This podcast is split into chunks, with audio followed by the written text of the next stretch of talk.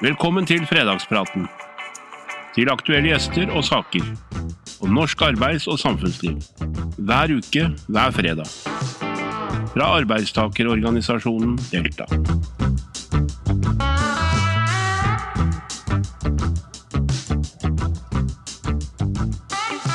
Hei og velkommen til en eh, ny fredagsprat. Vi håper dere alle hadde en kjempefin 17. mai på tirsdag. Aldri viktigere har det vært å slå jubilerende eh, entusiasme rundt vårt demokrati og vår frihet, som veldig mange nå ikke opplever i verden, ikke minst i Ukraina. Vi skal snakke litt om noe som har nettopp med 17. mai å gjøre, nemlig beredskap og hvordan landet vårt håndterer det å være et land med mange mennesker, utfordringsbildet er ganske stort når det gjelder både sivil beredskap og det å ha tjenester operativ. Og den vi har som gjest i dagens fredagsprat, er en av de som er mest markert, kanskje i hele Ambulanse-Norge, på nettopp den sikkerhetsmessige og den beredskapsmessige dimensjonen. Leder i Ambulanseforbundet, Ola Ytre, hjertelig velkommen. Takk, takk. Ola, du er jo leder for uh, Ambulanseforbundet i Delta, eh, som er en yrkesorganisasjon. Eh, kan du fortelle innledningsvis hvem, hvem er det som er dine medlemmer? Nei, oss har medlemmer som jobber både i ambulansetjenesten, på legevakt, og etter hvert òg i akuttmottak på sykehus. Og på ambulansefly og helikopter. Ja, ganske mange steder. Ja da. Hvor, hvor mange medlemmer har du? Ja, oss har med, med, aktive medlemmer så har oss 3000 og 4000 totalt med lærlinger og studenter. Ja. ja. Det er en stor organisasjon. Eh, kan du si litt om, om, om, utdanning? Dere har jo vært mye opptatt av kompetanse, og du har jo vært mye i front på det. Men kan du si hva slags utdanning er det medlemmene dine har? Ja, oss har, oss har flere grupper egentlig som er inne i eh, ambulansetjenesten nå. Oss har jo fagarbeideren som har vært her i mange år, og som er fortsatt er hjelma sterkt gruppe, gruppe hos oss. Og vi har etter hvert fått en del paramedisinere som har høgskoleutdannelse, som òg nå i disse, ja, ikke så lenge siden, fikk sin egen autorisasjon. Og dette er noe vi har jobba tett og effektivt med i mange år. Men nå er den der. Norge er et stort land. Det er uh, geografisk ganske krevende. Hvor jobber medlemmene dine? Nei, de jobber hele, over hele landet. Altså fra Lindesnes i sør til Nordkapp i nord. Så er, de er over hele flata. Mm. Nå sier det seg litt sjøl hva en ambulansearbeider er, men kan du beskrive litt av jobbbildet, f.eks.? Ja, øh, dette har jo forandra seg voldsomt nå de siste året, fra å være en ren transporttjeneste til i dag et rullende sykehus, som gir altså høy kompetanse og medisinsk eh, behandling, som til inntil bare fra noen år siden ble gitt på spesialavdelinger på sykehus. I dag gjøres det altså i bilen og i sykebilen. Mm. Men jeg tenker sånn at sykdomspanorama og befolkningspanorama i Norge har jo vært veldig forandra gjennom mange år. Og Man sier jo nå i både forrige regjering og den nåværende regjerings perspektivmelding at psykiske lidelser vil være den største folkesykdommen i Norge. Opplever dere at liksom sykdomspanoramaet er i endring, at dere kommer oftere ut f.eks. med mennesker i krise når det gjelder psykiske lidelser, og krever dere noe ekstra i forhold til det mer somatiske, hvis vi kan bruke det uttrykket? Ja da, eh, sykdomsbildet har jo forandra seg, og, og, oss med det, holdt jeg på å si. oss eh, må stadig ute og uh, videreutdannelse og oppdatere oss på det, det som hele tida kommer. Og det gjelder å snu seg fort og, og komme og kunne gi den gode behandlingen som òg denne her gruppa, den økende gruppa, da etter hvert uh, krever. Og der vil jeg vel si at uh, helseforetaket er nokså flinke til å være med og hjelpe til å, få oss opp på det nivået skal være. Mm. Du har jo vært ambulansearbeider i mange år, og er jo nå leder for Ambulanseforbundet. Kan du fortelle liksom en spesiell opplevelse? Er det, noe, er det noe som sitter? Jeg mener dere blir jo de første kanskje som kommer til store ulykker, tragedier, død og fordervelse, nær sagt. Altså, er det noe du har lyst til å dele med oss i forhold til en sånn veldig sterk erfaring? Ja, det er jo Det er, det er noen flere hendelser, men jeg kan jo fortelle om en spesiell opplevelse som har brent seg nokså godt fast. Og det var at jeg og en kollega skulle på en vanlig overflytning mellom Lillehammer sykehus og Gjøvik, eh, og kommer E6-en sørover. Og her møter oss en eh, kø, og vi har en pasient i bilen, så vi må jo legge oss ut og, og kjøre forbi køen og kommer da fram som første bil på ei uanmeldt uh, trafikkulykke. Det er bilder som, er, som, har brent seg fast, liksom, det er det at hele E6-en er dekt med julegaver. Dette var veltejulekvelden. Så det er liksom et minne som sitter fast her, var det en familie som skulle hjem mot uh, Vestlandet på ferie og møte slekt og venner, og slik gikk det altså ikke. Mm. Mm. Dere opplever jo sterke øyeblikk, sterke møter.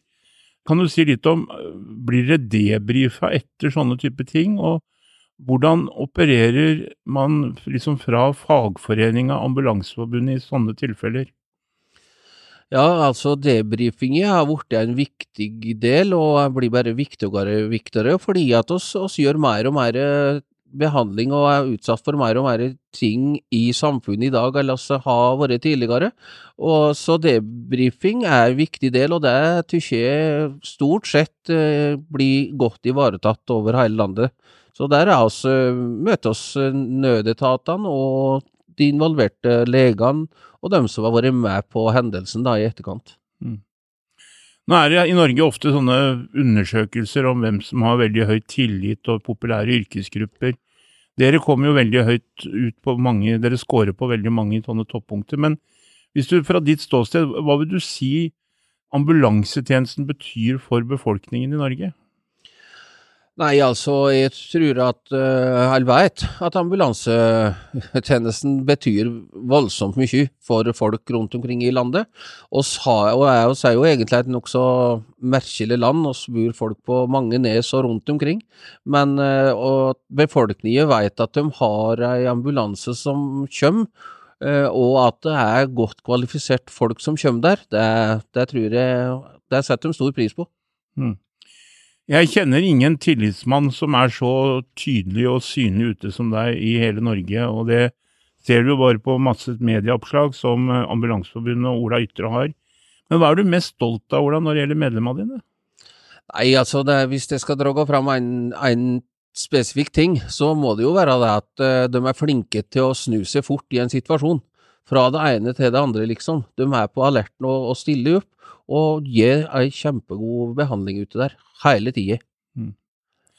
Er det noe ved yrkesgruppa di som du vil oppklare eller avvise? Er det noen myter som går der ute om ambulansearbeideren? Ja, det, det er det jo. Det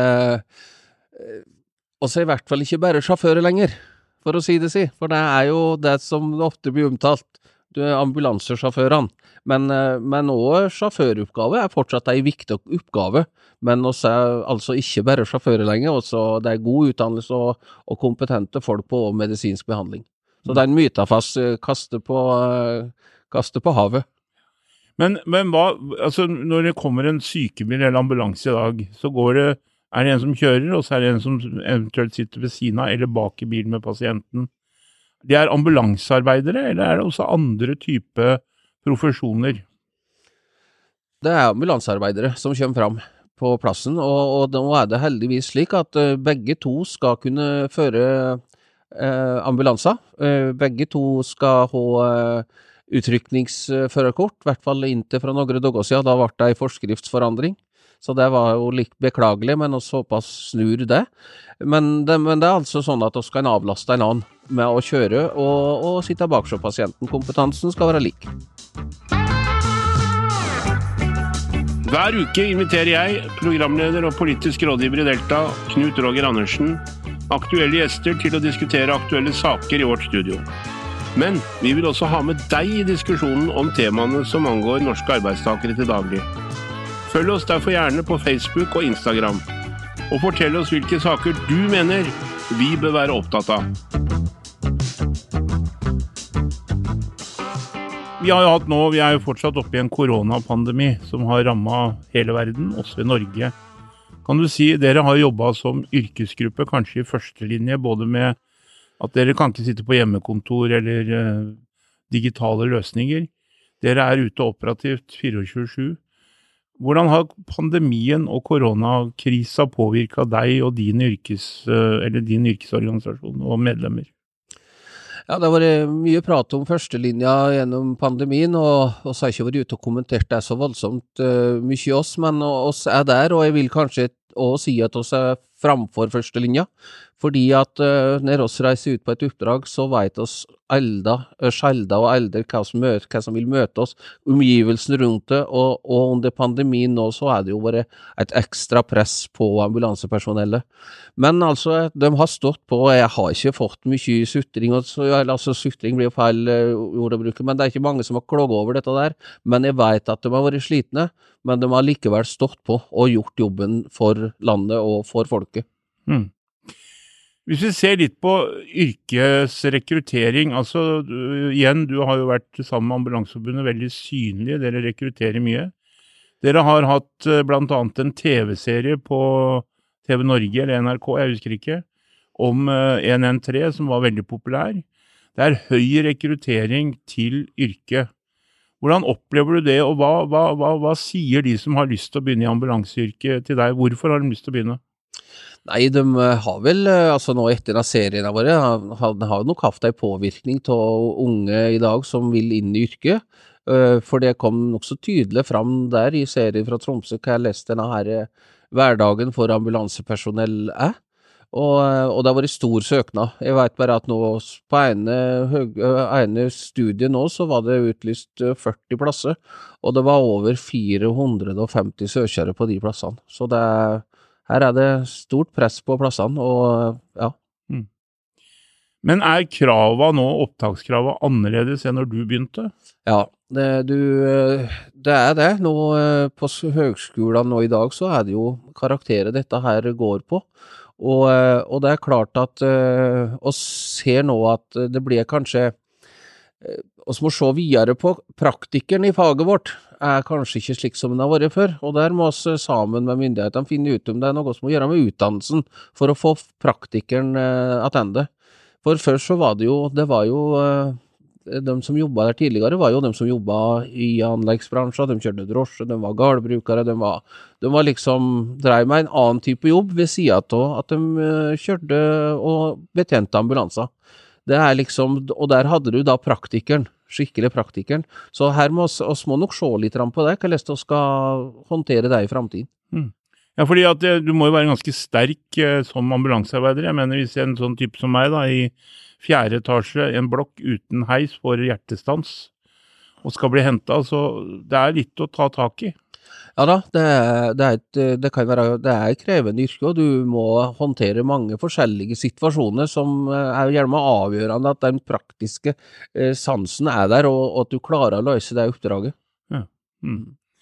Eh, vi snakker jo ofte om en, et samfunn med mer digitale løsninger, teknologi, kunstig intelligens. Er det områder innenfor ambulansetjenesten som nå er blitt digitalisert, eller er i ferd med å bli digitale, som du ser på som positivt? Ja, og så har jo hatt ei eh, bra utvikling der i forhold til dette her med å eh, gi behandling f.eks. på hjerteinfarkt, der du gir eh, ja, ei plumbovirkende som får plumbovirkende virkning, som løser opp propper som sitter i blodårene. Det er jo at vi tar et EKG som blir sendt inn på sykehus, og som da blir vurdert av doktor på, på hjerteovervåkning eller hjerteavdelinger. Og der får jeg en endemelding om at jo, her er det en, eh, en tetning i ei åre, og så blir det i gang iverksatt behandling av det. Og så har òg kamera, der du kan um, har med kamera ut åt uh, pasienten, så doktoren kan sitte og følge med og se pasienten gjennom at vi filmer pasienten hjemme. Mm. Så her det skjer, skjer stadig utvikling. Ola Ytre, du er jo også oppnevnt av regjeringen og Kongen i statsråd som medlem av denne beredskapskommisjonen som er under arbeid. Jeg skjønner at eh, det ikke går an å rapportere fra det nå, men i den konseptet så snakker vi også om beredskap i forhold til politi, i forhold til brann. Og vi har tidligere her i Fredagspraten hatt besøk av lederen i Brannforbundet, som eh, snakka litt om beredskapsbegrepet sett med dem sitt eh, perspektiv. Hvordan opplever du den hva skal vi si, oppgavefordelingen mellom brann, politi og ambulanse i ulike ulykker og krisesituasjoner som oppstår? Ja, um, dette her er jo òg noe som forandra seg litt eller mye over tid. Før så var, hadde jo alle etatene på samla i ei og samme kommune, og rykka ut nokså likt. I dag er ikke situasjonen helt der. Eh, det blir sentralisert og både det blir nedlagt av politistasjoner, lensmannskontor, ambulansestasjoner blir nedlagt og flytta, og, og da er det brann som er att i hver ei kommune og som ofte blir dømt som å håndtere f.eks. ei ulykke først. Så dette er jo, eh, hvis du nevnte innledningsvis i forhold til den eh, totale beredskapskommisjonen jeg har blitt med Og så er nødt til å ta tak i dette her og, og, og, og, gå gjennom det og sørge for at vi får den beredskapen vi trenger. Og så får vi se hvordan vi skal løse det. Men jeg, jeg, tror det finnes muligheter for å løse dette her, men vi må bare vi må få arbeidet gjennom det sammen med alle etatene, og, og det er òg andre som er med i, i, disse diskusjonene. Men i den, hva skal jeg si, i den rollegreia mellom politi, brann og ambulanse, føler du at det nå er i ferd med å skli mer nærmere hverandre? For eksempel i, i USA husker jeg at, og i Storbritannia så er jo ofte ambulanse og brann veldig integrert. Er det en utvikling du tror kommer i Norge òg?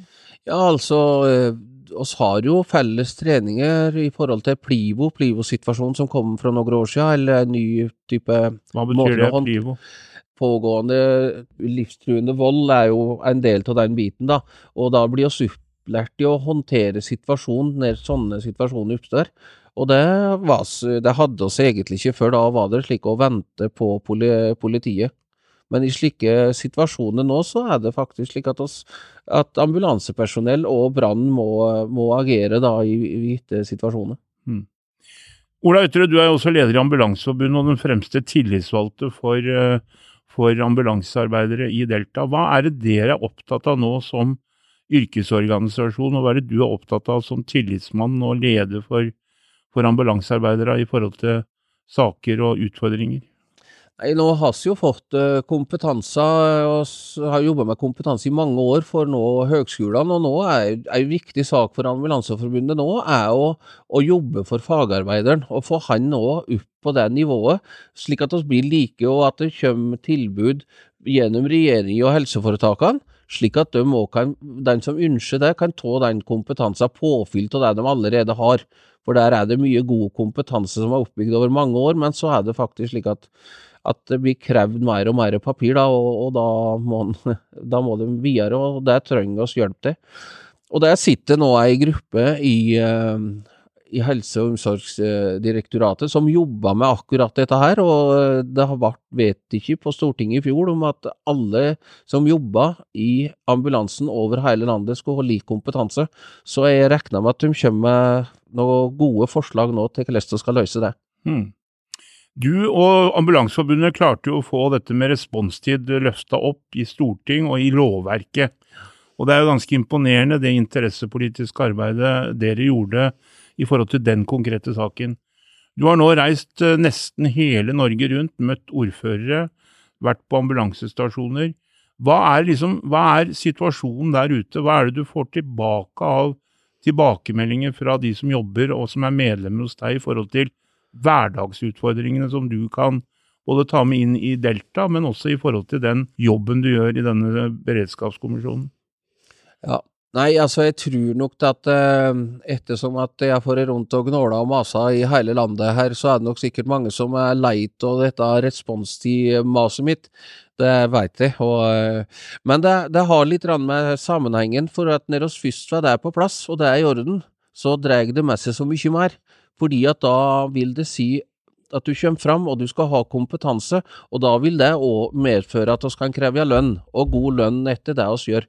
Så jeg tror det at eh, det har noe å gå for seg. Så nå skal jeg kanskje Nå er det jo lovfesta, så nå er det opp til politikerne våre å vedta hva responstida skal være. Så får vi fortelle etterpå om vi er enige i det, om det er eller ikke. Mm.